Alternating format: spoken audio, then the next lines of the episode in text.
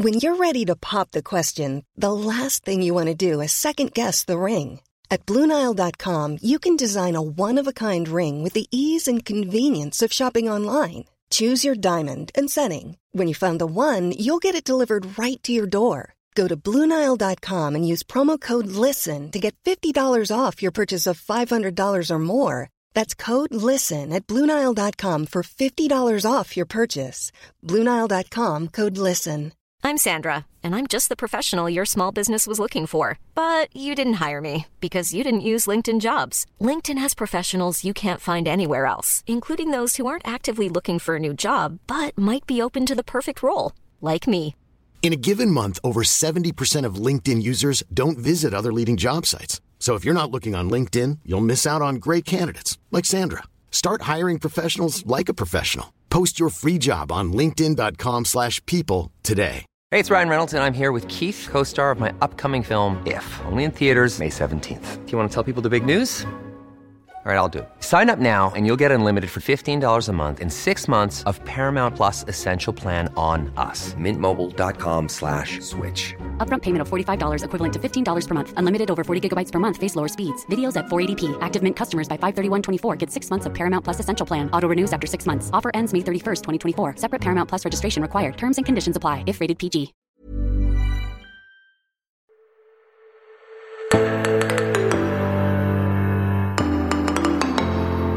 I denne ukens episode av eh, Tore og Tarjei er vi eh, tilbake på kontoret, Tor Hjalmar eh, Sævik. Men det betyr på ingen måte at alt er som normalt. Det er jo høyst midlertidig vi er innom her, og vi holder avstand og har ikke tenkt å være lenge. Nettopp. På forsiden av avisen i dag spør vi om vi er på vei tilbake til det normale, og det har vel vært en sånn forventning om at ja, det går nå til like over påske, og så begynner det nok å, å myke opp. Men når vi ser på hva som skjer nå rundt i verden, så kan det virke som at dette kan bli verre eh, fremdeles, og, og strammere òg kanskje her, før det blir mildere. Ja, det kan se sånn ut, eh, og så får vi bare eh, ta det som det kommer. Det, det er litt sånn eh, Den ene spådommen, spådommen viser seg stort sett være dårligere enn den andre. Jeg leste i avisen i går om en, en direktør i SAS som fortalte om de første dagene etter at eh, de strenge tiltakene ble iverksatt for et par uker siden. Så prøvde de å legge planer, og så viste det seg etter bare noen få timer at de planene måtte de vrake, for da hadde det skjedd andre endringer som gjorde at de måtte legge, legge nye planer. Vår, vår hverdag er vel ikke så dramatisk eh, forandret som det. Nei, vi sitter jo stort sett med i alle fall det, det samme type arbeidsoppgavene, da. Men det foregår jo på en litt annen måte med at vi ikke er samla i redaksjonslokaler, men er spredt rundt omkring. Og så er det jo interessant å tenke over da hva av det som vi gjør annerledes nå, kommer vi til å ta med oss. Det er iallfall en, en påminnelse om eh, kanskje eh, både betydninga av et kollegafellesskap, men også verdien av eh, familiefellesskapet. Da. For en, eh, en blir jo eh, En må jo være tett i lag, men en får jo også eh, egentlig tid til å ha det litt roligere i lag når en ikke skal inn og ut på aktiviteter hele tida. Det er jo kanskje noen, noen både heldig og uheldig dynamikk i at de som hadde det bra før, kanskje hadde enda bedre nå, og de som ikke hadde det så bra før, hadde kanskje verre nå. Ja. Eh, Men det er det nesten ingen som ser. Nei, og så, så tror jeg at vi i Norge lever i en slags erkjennelse av at dette her er en stor utfordring og alvorlig, men de fleste av oss har ikke merka så mye av det, eh, annet enn at vi har en eh, redusert aksjonsradius. Eh, det er relativt altså Hvis en ser det sammenligna med både andre europeiske land og USA og sånn, så, så har ikke krisa kommet så nær livet til så mange. Nei, og vi, har, eh, vi vet at vi har penger å tære på. Så Ja. at staten kan tillate seg ganske rause pakker av ulike slag. Vi har jo det, men, men eh, vi forstår jo samtidig at, eh, at her eh, forsvinner reservene fort. Mm. Og apropos reserver, så er jo det noe du har skrevet om i det siste, for dette her har konsekvenser ikke bare for eh, norsk økonomi sånn i stort, men også for kristen økonomi eller eh, misjonsøkonomi. Det er sant, det. Jeg skal ikke påberope meg noen veldig detaljert kjennskap til flyselskapet Norwegian sin økonomi, Eh, men, men det er jo et selskap som har liksom blitt populært eh, hos mange i Norge, og som har hatt som mål å tilby billige flybilletter til folket. og Det er jo klart at det er det jo mange som eh, setter pris på. Så ser vi jo nå at, at selskapet òg har drevet med en forholdsvis betydelig risiko, og, og nå eh, står jo mye på spill. Eh, men det, var, det tenkte man ikke så nøye på. Altså De som jobber der, har naturligvis tenkt på det, men det, den, den, bekymringen var ikke like sterk hvis vi bare går noen uker eller måneder tilbake i tid. Og Sånne, sånne eksempler er jo en sånn indikator på hvor mye vi er preget av de umiddelbare omgivelsene. Eh, og Nå skal ikke jeg på noen måte verken mene noe eller spå noe om hva som skal eller bør skje med Norwegian, men, men det er en overføringsverdi, tror jeg, her til store deler av det kristne Norge. Det organiserte, da særlig der man må tenke over hva er det som faktisk er eh, bærekraftig. Jeg skrev litt om det i en kommentar i avisen denne uken, om, og det, det tror jeg må ta høyde for at det kan komme eh, konkurser òg i denne del av eh, samfunnet. Men hva er det du tenker på med bærekraftig drift da i, eh, i kristen sammenheng? En er jo vant med å, å eller være innstilt på at misjon er et knapphetsforetak. Altså Det genererer ikke overskudd og, og bonuser og høye lønninger, men, men at en prøver å nå så langt som en kan med å drive menighet og misjonsvirksomhet eh, nøkternt og, og få mest mulig ut av hver krone. Da. Men, men hva, hva, tenker du med at eh, noe ikke er bærekraftig? Nei, Det var noe, noe fint òg, i det som David Hetleli, som nå leder eh, Pinsemisjonen, som jo er en av Norges aller største misjonsorganisasjoner målt i antall eh, utsendinger, som sa det så enkelt at vi bruker jo det vi får inn. Så de har ikke bygget seg opp noen sånn voldsom buffer for å håndtere denne type svingninger. Eh, det gjør jo at, at når sånne ting skjer, så, så merker de utfordringene ganske fort.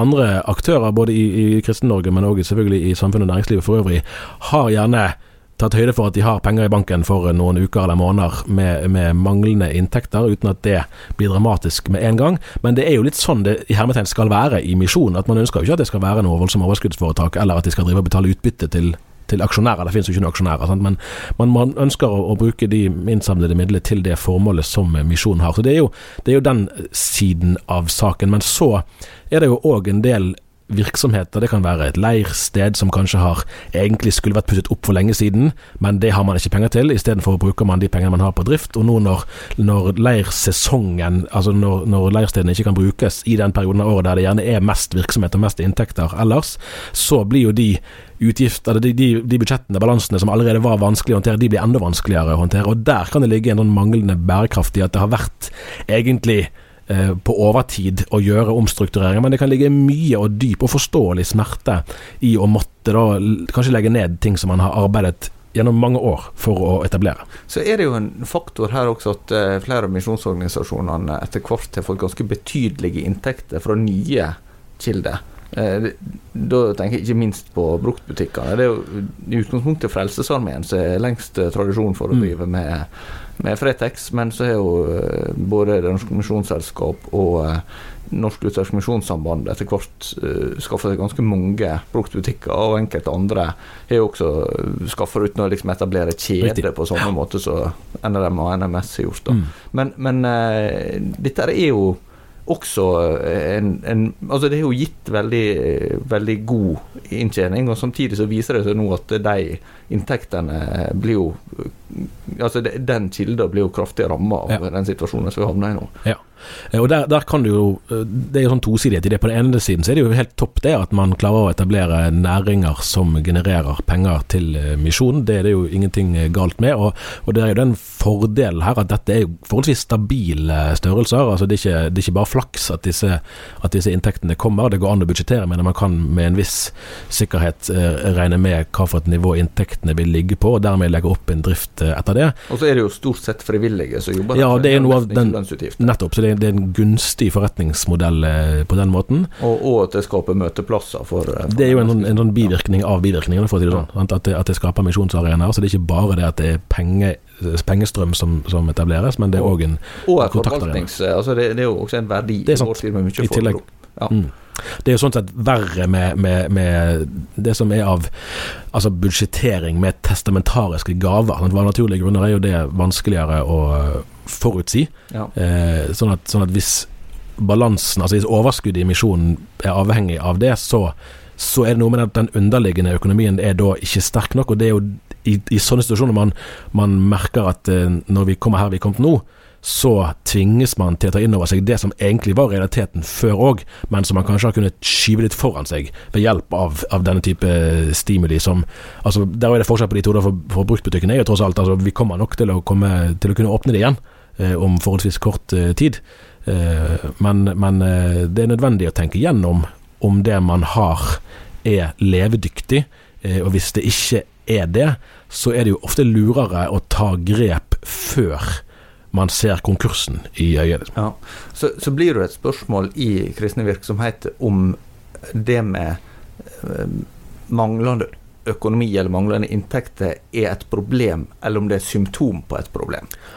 Ja, eh, helt klart. Og det, det, jeg vil jo tenke at det er ja, det er jo kanskje begge deler, men i hvert fall er det òg et, et, symptom. For man skulle jo kunne tenke at, at, kjøpekraften i Norge er på et historisk høyt nivå. Da skulle jo i prinsippet òg eh, giverviljen og inntektene til kristne virksomheter være på et historisk høyt nivå. Det er det vel ikke, eh, sånn i, i prosentvis eh, altså andel av inntekt osv. Så, videre. så Så ikke økonomien i Kristen-Norge der den egentlig skulle vært. Og det må vi jo nesten tolke som et, et tidstegn. Og det òg blir jo tydeliggjort ytterligere. Og, og så er det jo en, en, side til her som jeg syns er verdt å, å, ta med. og Det er jo at, at eh, når dette skjer, så kan man jo komme helt, altså gå helt i motfase og tenke at nå må vi være ytterst forsiktige og ikke ta noen sjanser, for da risikerer vi at neste gang det skjer et eller annet, så blir vi òg rammet.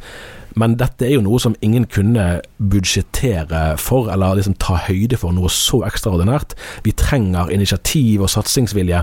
Nå er det de som har gjort investeringer i forholdsvis nær fortid akkurat nå i 2020, de er nå ekstra uh, utsatt. Hvis dette hadde skjedd for tre eller fire eller fem eller ti år siden, så var det andre som ville vært ekstra utsatt, uten at noen har gjort noe galt eller noe hasardiøst av den grunn. Men du er jo samtidig inne på det i den uh, kommentaren du skrev om, uh, om misjonsøkonomi, at det, dette ser jo litt forskjellig ut et, ut fra forskjellige organisasjoner. At noen har både en sammensetning i En ting er inntektsgrunnlaget, men også i, i hvem som er støttespillere, og, og hvordan organisasjonene fungerer, som gjør at de er mer sårbare enn andre. Og alderssammensetning mm. også, ikke minst. Altså, hvis en har støttespillere med f.eks. veldig høy gjennomsnittsalder, da, så er det kjempeflott med de trufaste som er, som er med, men, men det, det, ligger jo en stor utfordring i hva som er bærekraftig på sikt, hvis ikke du har ettervekst. Virkelig. virkelig. Og Der er det jo en veldig, en veldig forskjell i forutsetninger. på den måten at de som, de som, baserer økonomien sin i hovedsak på offentlige overføringer, har jo i utgangspunktet ikke så mye å være engstelig for. Eh, mens de som baserer seg på medlemsfinansiering, eh, er jo mer eh, sårbare, eller mer prisgitt ulike endringer. Og så blir det jo interessant å se om frykten for at dette blir verre, eller for så vidt uh, erkjennelsen av det som er tilfellet akkurat nå, om den fører til at giverviljen blir mindre. For det er jo, det er jo en kjensgjerning at uh, altså husleie osv. og, og, og ans, altså personellutgifter, i hvert fall så lenge man ikke har permitterte ansatte, så er jo utgiftene for mange egentlig ganske stabile, selv om tjenestetilbudet er, er svekket. Og Der kan det jo ligge en sånn, en sånn faktor, eller en virkning, at, at man kan til og med gå konkurs, gå konkurs fordi at giverviljen svekkes såpass mye i denne perioden at eh, man ikke klarer å betale regningene sine. En kan jo på andre sida håpe at uh, denne tida kan bli en slags påminnelse om hva det kristne fellesskapet uh, egentlig betyr. Virkelig. Når en er avskåret fra å være med i det. Ja, og det har, altså kriser er, er, smertefulle. Vi skal ikke på noen måte ta lett på de omstillingene som kanskje tvinger seg frem i ulike deler av, av samfunnet. Sånn er jo livet. og på et, altså på et, personlig plan at det er jo ofte gjennom kriser at vi blir eh, formet og, og tar noen viktige valg som preger resten av, av livene våre. Sånn vil jo antagelig være her òg, at vi vil se noen, eh, noen, virksomhetsområder som endrer seg, og kanskje det skjer noen sammenslåinger eller omstruktureringer som egentlig det var behov for for lenge siden, men nå var det man fikk det pushet man trengte for å faktisk eh, ta de valgene. Det er jo blitt påpekt gjentatte ganger at det kinesiske tegnet for krise det består av eh, kombinasjonen fare og mulighet. Nå hadde vi et leseanlegg som sa at det ikke var helt riktig, det der. Ja, Men det er, i hvert fall en, nei, det er i hvert fall en veldig god ja. uh, Altså, poenget er jo sant uh, likevel. Ja. Det, det, er alltid litt sånn kjedelig når noen ødelegger en god faktoide, ja, som det heter. Uh, det er en, en påstand som blitt gjentatt så mange ganger at folk tror det faktisk er sånn. F.eks. Ja, ja. at uh, den kinesiske muren er synlig fra månen. Det stemmer jo ikke. Det er også faktor i det. Eller at vikingene hadde horn på hjelmene sine. Det stemmer heller ikke. Men det som er på det rene, ja. tror vi i hvert fall begge to, er jo at vi står foran det som på flere måter er den rareste påskehøytiden for den kristne kirke, ja, kanskje noensinne. Ja, det Altså Eh, Det tror jeg er rett. Eh, Altså nå, nå er det jo viktig å være klar over at Den kristne kirke har jo gjennom sine 2000 år opplevd veldig mye, og mye mer dramatisk enn det iallfall vi står overfor nå. Men det at det ikke skal feires ordinære gudstjenester i Norge og veldig mange andre land Ja, for det er det, det er så veldig mange land det ikke, altså, At det kan skje lokale altså sånne eh, sultkatastrofer og, og sykdomsutbredelser i ett bestemt land, det har nok skjedd mange ganger før i verdenshistorien. Men det at det nå i så mange deler av verden samtidig er lagt på, er lagt på befolkningen sterke restriksjoner som begrenser forsamlingsfriheten, det eh, jeg, ikke, det kan, jeg er ikke historiker, det er du litt. Grann. Ikke Ja, litt grann men, har, ja da, men det betyr ikke at jeg veit alt som er. Eh, men, men eh, Nei, det, det er jo veldig spesielt, da. Eh, og, og, og det gjelder også eh, altså, Det er litt av det som, som jeg tror vi undervurderer i Norge, fordi eh, så mange reiser til fjells og en, en nesten er vant med at høytidene er blitt lavsesong. I, altså, det er jo et sånn kjempeparadoks eh, at, at det som er den viktigste eh, høytida i, i den, den kristne eh, tru, eh, får så lite oppmerksomhet. Da. Men i, i mange land er jo dette her eh, kjempestort, eh, med, med veldig stor ansamling med folk og masse som skjer rundt at det er påske, som nå ikke skal skje. Så, jeg tror kanskje vi eh, ikke helt greier nesten å, å se eh, hvor, eh, hvor dramatisk dette er mange plasser. Og der har vi en naturlig bro til neste segment, og da skal vi gå inn på nabokontoret og hente kollega Bjørn Olav Hammerstad. Så skal vi snakke litt om den digitale kirken, som vi ser nå tydeligere enn noen gang.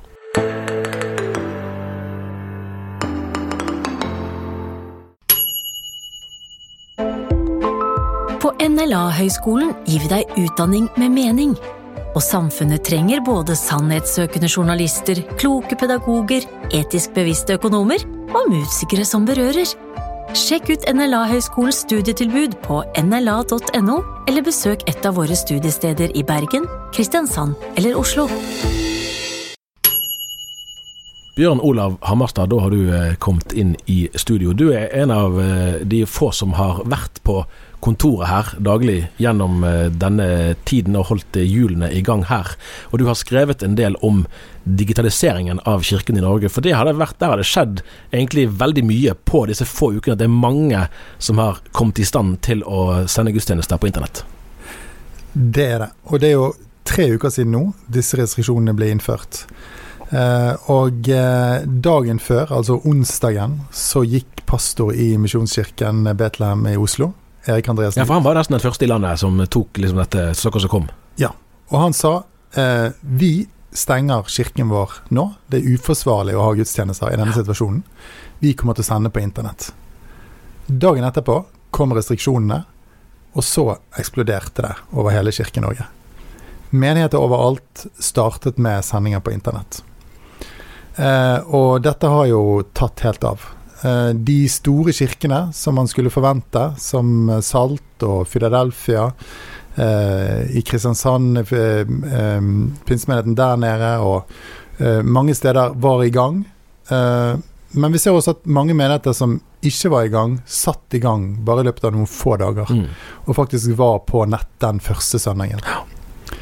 Eh, en menighet som er litt spesielt, det er eh, Nærbø kirke. Ja, for der var jo vi og besøkte de i fjor høst, så vi så jo deres kamerautstyr da. Ja.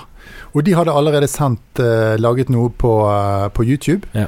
Og de bestemte seg også for å gå Facebook Live. Og eh, den første søndagen så hadde de 15 000 seere. Altså vanligvis i samler de kanskje da bare 1% av dette antallet på en vanlig gudstjeneste. Eh, og dette spredde seg jo også til store deler av Den norske kirke. Og det syns jeg er interessant, fordi vi ser at mange frikirker de har vært flinke til å være i sosiale medier på nett. Den norske kirke har vært litt treigere, men vi har sett en eksplosjon av dette i Den norske kirke. Og i de siste dagene nå så har K. KA ehm, eh, eh, gitt ut en, en undersøkelse som viser at um, uh, det før utbruddet bare var 6,9% av kommunene som hadde kirker som overførte gudstjenester på nett. Nå, tre uker etter at restriksjonene ble innført, er det nesten halvparten, Oi. 48% av kommunene, hvor det finnes kirker som sender enten gudstjenester, andakter eller annet kirkelig innhold på nett. Det er ganske mange som har uh, snudd seg forholdsvis fort. Det er det det er. Og det er det vi ser. Og jeg snakket med uh, domkirkeprest Gudmund Våler uh, Ja, her i Bergen eh, i går. Ja, Domprost. Domprost. Han sa jeg har aldri prekt så mye i løpet av disse ukene noen gang. som, som i disse ukene noen gang. Akkurat. Eh, vi ser også en annen trend, og det er det at eh, forholdsvis store mediehus ønsker å strømme gudstjenester. Ja. Eh, NRK har gjort det i mange år. Og NRK eh, radiogudstjenesten den blir jo også nå filmet, så det blir både sånn... Ja, for den gikk jo fast på TV før, men så har de sluttet med det. Men nå er det det som begynte igjen. Nå er de tilbake med den. Og så ser vi at Stavanger Aftenblad, som er stor regionavis, strømmet fra St. Petrikirken forrige søndag. Mm. Nå skal Bergens Tidende gjøre det samme i Bergen. Ja. Eh, så plutselig har det blitt eh, poppis og strømme gudstjenester på nett. Og så er det veldig forskjellig, ser jeg. At sånn som, altså for Filadelfia-kirken i Oslo var jo òg tidlig ute. De var, jeg tror de var på nett allerede den første søndagen, omtrent samtidig som, som Oslo misjonskirke i Betlehem. Men, og, og Salt òg her eh, lager ikke regulære gudstjenester, men de har en TV-produksjon som har gjerne noen sanger, en, en tale og kanskje noen innslag. Men det er veldig tydelig at dette skjer ikke i kirkerommet på samme måten som vanlig. I hvert fall ser det ikke ut som det. Mens andre eh, gjerne har bare satt opp et kamera altså i midtgangen f.eks., eh, og filmer. Eh, det som er i, i prinsippet en vanlig gudstjeneste, bare at det er ikke så mye folk i salen. Det er jo to ganske ulike ting, egentlig, for den som ser på. Ja, vi ser jo ulike tilnærminger. Unnskyld. Den enkleste måten å gjøre det på er selvfølgelig bare å sette opp et kamera og kjøre gudstjenesten som vanlig. Men det er jo mange begrensninger. Man kan ikke ha så mange på scenen. Mm. Man får kanskje ikke være mer enn fem personer der. Eh, som gjør at eh, det smarteste man, kan, smarteste man kan gjøre, er jo å rigge et studio. Eh, og vi ser at mange har gjort det på scenen i kirkesalen sin. Så har de bare gjort det om til et TV-studio. Litt morsomt at Mariakirken, som er nesten 900 år gammel, nå er et TV-studio. Og uh, sånne ting ser vi jo over hele landet. At, um, at folk lager konsepter som er litt annerledes enn en vanlig gudstjeneste. Det er mer samtaler. De har gjester i studio. Eh, forkynnelsen er gjerne litt kortere. Eh, og det er mer solosang framfor da allsang. Mm. Mm. Vi skal jo ikke mer enn altså, fem år tilbake i tid, så hadde jo mulighetene her vært vesentlig mindre. Altså langt færre hadde kunnet gjøre dette her. Det er helt riktig. Teknologien har jo virkelig vært på folkets side Mm. når, når denne tragiske Ja, pandemien rammer oss. Uh, og eh, det er jo blitt så enkelt i dag. Det eneste du trenger, er jo egentlig en mobiltelefon Mm. og Facebook for å kjøre live.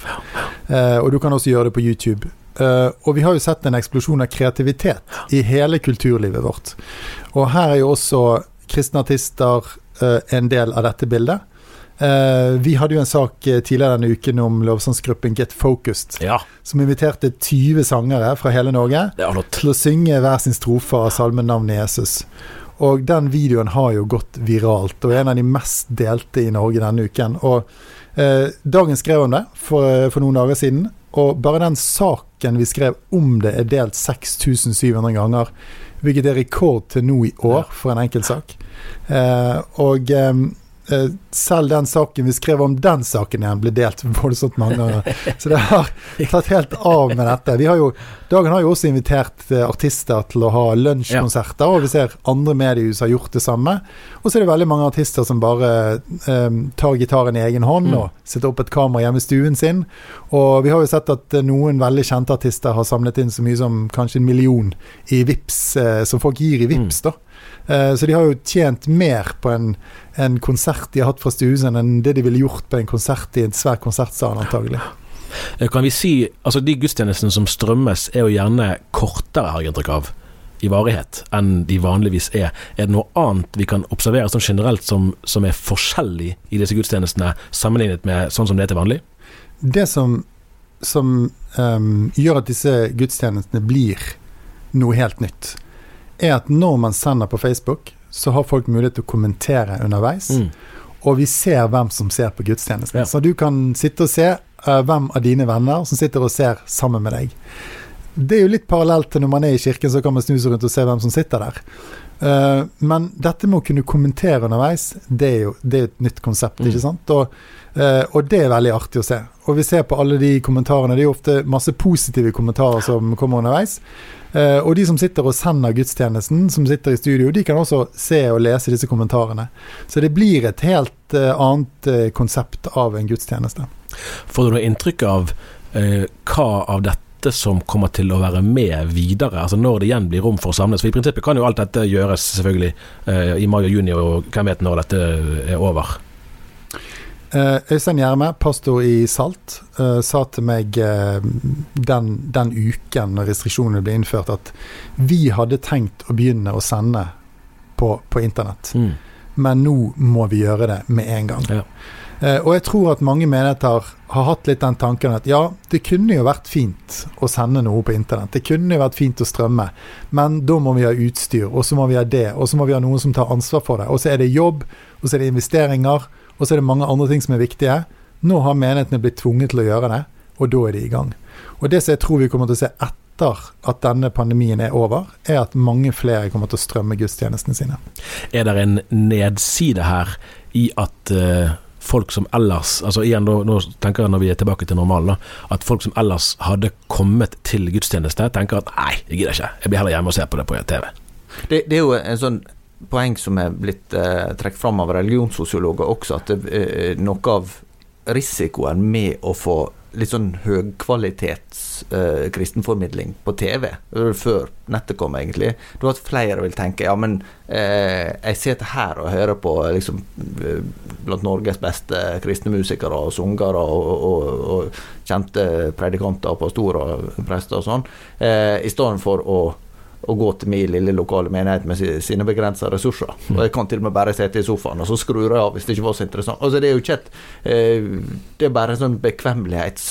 Eh, altså det er jo ikke et godt eh, kristent argument, altså, men, men mennesket er jo har jo lett for å velge en behagelig løsning, da. Ja, det er jo klart at markedskreftene råder jo også her. det er jo ingen tvil om at de menighetene som har de beste talerne og den beste musikken og den mest profesjonelle produksjonen, eh, vil eh, mye lettere kunne tiltrekke seg seere nå. For det, eh, det krever ikke at du kjører på andre enden av byen og parkerer bilen din i et annet parkeringshus og går til en annen menighet og oppsøker masse fremmede mennesker. Du kan bare klikke på og se det der. Sant? Så det blir på en måte lettere å velge det nå enn det var før. Eh, men eh, man kan jo også se på det positivt og tenke at de som ikke ville gått til en menighet fordi at de ikke orket, de skrur nå på på Facebook eller YouTube istedenfor, og får med seg noe der. Så det er også en mulig utfall. Da. Jeg tror jo kanskje det sånn, med min egen oppfatning at det er det mest sannsynlige på den måten at, at, tross alt at det er såpass mye mer verdi i det å kunne møtes. At det, altså, filmingen vil heller føre til at folk som ikke har sett på, ser på, enn at mange holder seg hjemme. Men hvem vet. Men kan også tenkes at, at den blir nødt til å tenke litt over har vi blitt for interne her.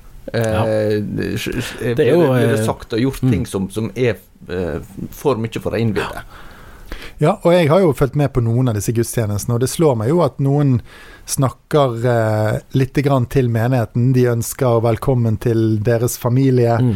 og de har eh, folk som forteller litt fra arbeidet.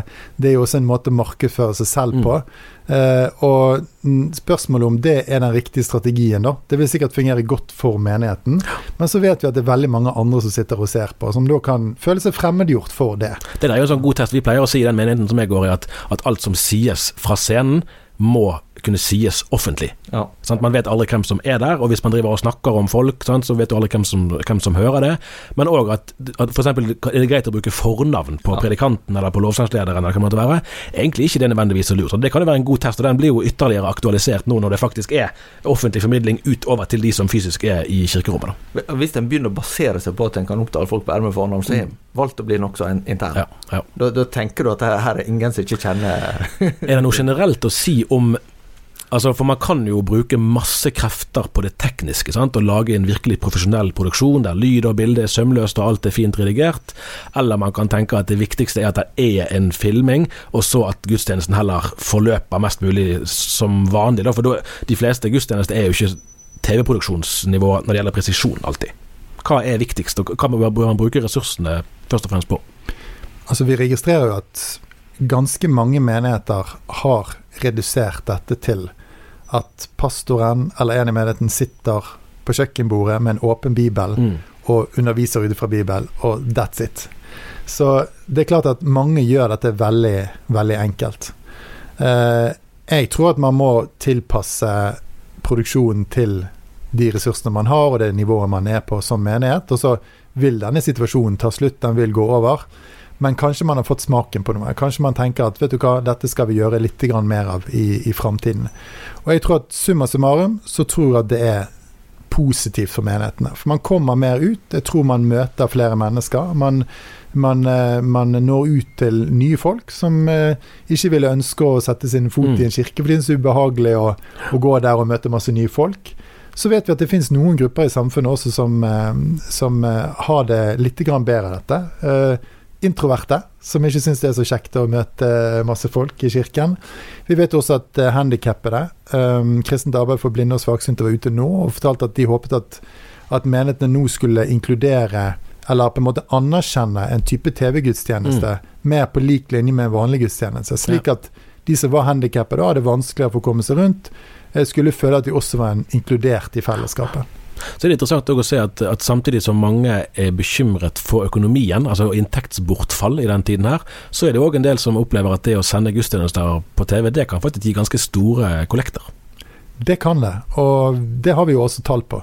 Eh, vi har undersøkt med en del av de menighetene som var tidlig ute å sende, og de forteller jo at eh, om dobling i kollekt. Noen en menighet fortalte om fire-femdobling i kollekt. Andre forteller at det er noenlunde det samme. Ingen av de vi har snakket med, har sagt at de har fått mindre enn det som er vanlig på en søndag. Hm. Du har jo vært med å spille, tror jeg meg selv, på en eh, TV-sendt, eller i hvert fall en internettsendt gudstjeneste, da? Ja, det stemmer. Det skal faktisk komme flere nå utover ja. påska. Så det, det, er jo en litt rar opplevelse. jeg vil tro jeg sitter der på scenen og vite at dette ja, Den ble ikke sendt direkte, den var sendt i opptak? Sånn, at det var Ja, eh, det er det. Og det samme blir det med de som kommer nå ja. i påska. Men, men eh, det er jo eh, ganske spennende å tenke på hvem de er, de. Altså, vi har jo hatt over 2000 avspill. Ja, det, og det er jo nesten ti ganger så mange vel som det er på en vanlig gudstjeneste. Ja, ja da. Mm. Så, um, så, sånn sett så, så er det masse muligheter i det. da. Så Det bekrefter det du sa i sted om det tegnet fra Kina, enten det er sant eller ikke, at kriser innebærer òg nye muligheter? Ja, det, det er jo det. Uh, så er nok med å, prøve å forholde deg på en, en, god måte, da. Akkurat. Vi får si det sånn at det var det vi rakk for denne gang, men vi er tilbake neste uke. Takk for at du hørte på.